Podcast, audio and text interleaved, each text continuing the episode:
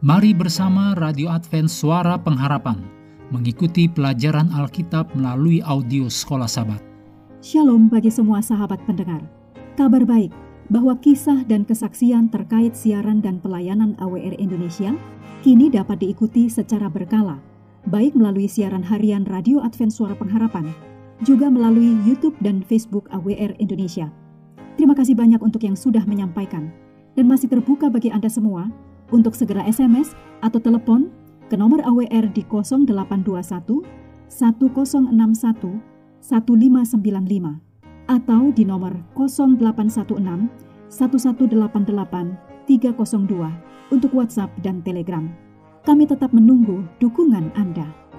Selanjutnya kita masuk untuk pelajaran hari Kamis tanggal 1 September. Judulnya Batu Karang dan Perlindungan Kita. Mari kita mulai dengan doa singkat yang didasarkan dari 1 Petrus 3 ayat 4. Roh yang lemah lembut dan tentram, yang sangat berharga di mata Allah. Amin.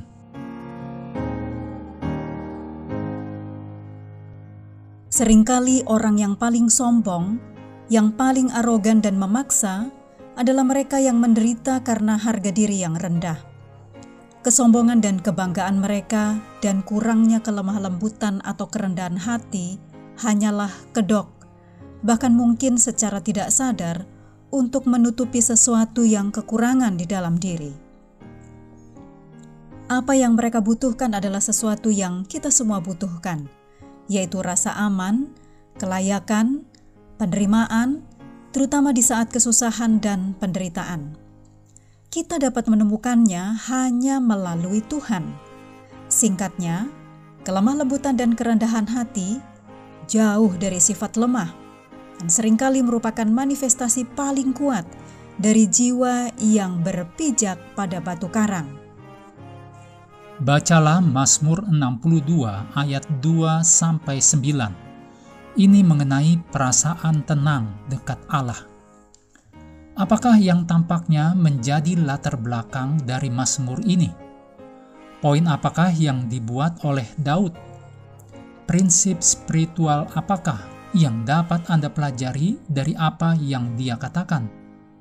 Yang terpenting, bagaimana Anda dapat belajar menerapkan prinsip-prinsip ini dalam kehidupan Anda sendiri. Berikut ini kutipan dari Bapak Kita Peduli halaman 305. Tanpa sebab, manusia akan menjadi musuh kita. Motif-motif umat Allah akan disalah mengerti, bukan hanya oleh dunia, namun oleh saudara-saudara mereka sendiri.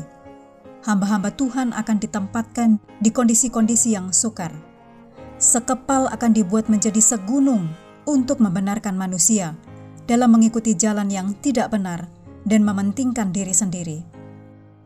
Dengan penyampaian yang keliru, orang-orang ini akan dikenakan jubah-jubah gelap ketidakjujuran karena keadaan di luar kendali mereka, sehingga menjadikan pekerjaan mereka membingungkan.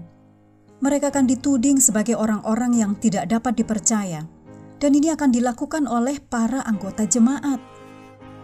Hamba-hamba Allah harus memperlengkapi diri mereka sendiri dengan pikiran tentang Kristus mereka tidak dapat berharap lepas dari hinaan dan disalah mengerti. Mereka akan disebut pecandu dan fanatik. Tetapi janganlah mereka putus asa. Tangan Allah berada di atas pemeliharaannya, menuntun pekerjaannya, menuju kemuliaan namanya. Seberapa kebal Anda terhadap celaan dan cemoohan orang lain? Kemungkinan besar tidak kebal, bukan? Anda dapat berpegang teguh pada Tuhan dan menambatkan rasa harga diri Anda pada Dia yang sangat mengasihi Anda, sehingga Dia mati untuk dosa-dosa Anda, dan dengan demikian membantu melindungi diri Anda dari hinaan orang lain. Mengakhiri pelajaran hari ini, mari kembali kepada ayat hafalan kita Matius 5 ayat 5. Berbahagialah orang yang lemah lembut, karena mereka akan memiliki bumi. Hendaklah kita terus tekun mengambil waktu bersekutu dengan Tuhan setiap hari, bersama dengan seluruh anggota keluarga, baik melalui renungan harian, pelajaran sekolah sahabat, juga bacaan Alkitab sedunia percayalah kepada nabi-nabinya. yang untuk hari ini melanjutkan dari Hakim-Hakim pasal 20. Tuhan memberkati kita semua.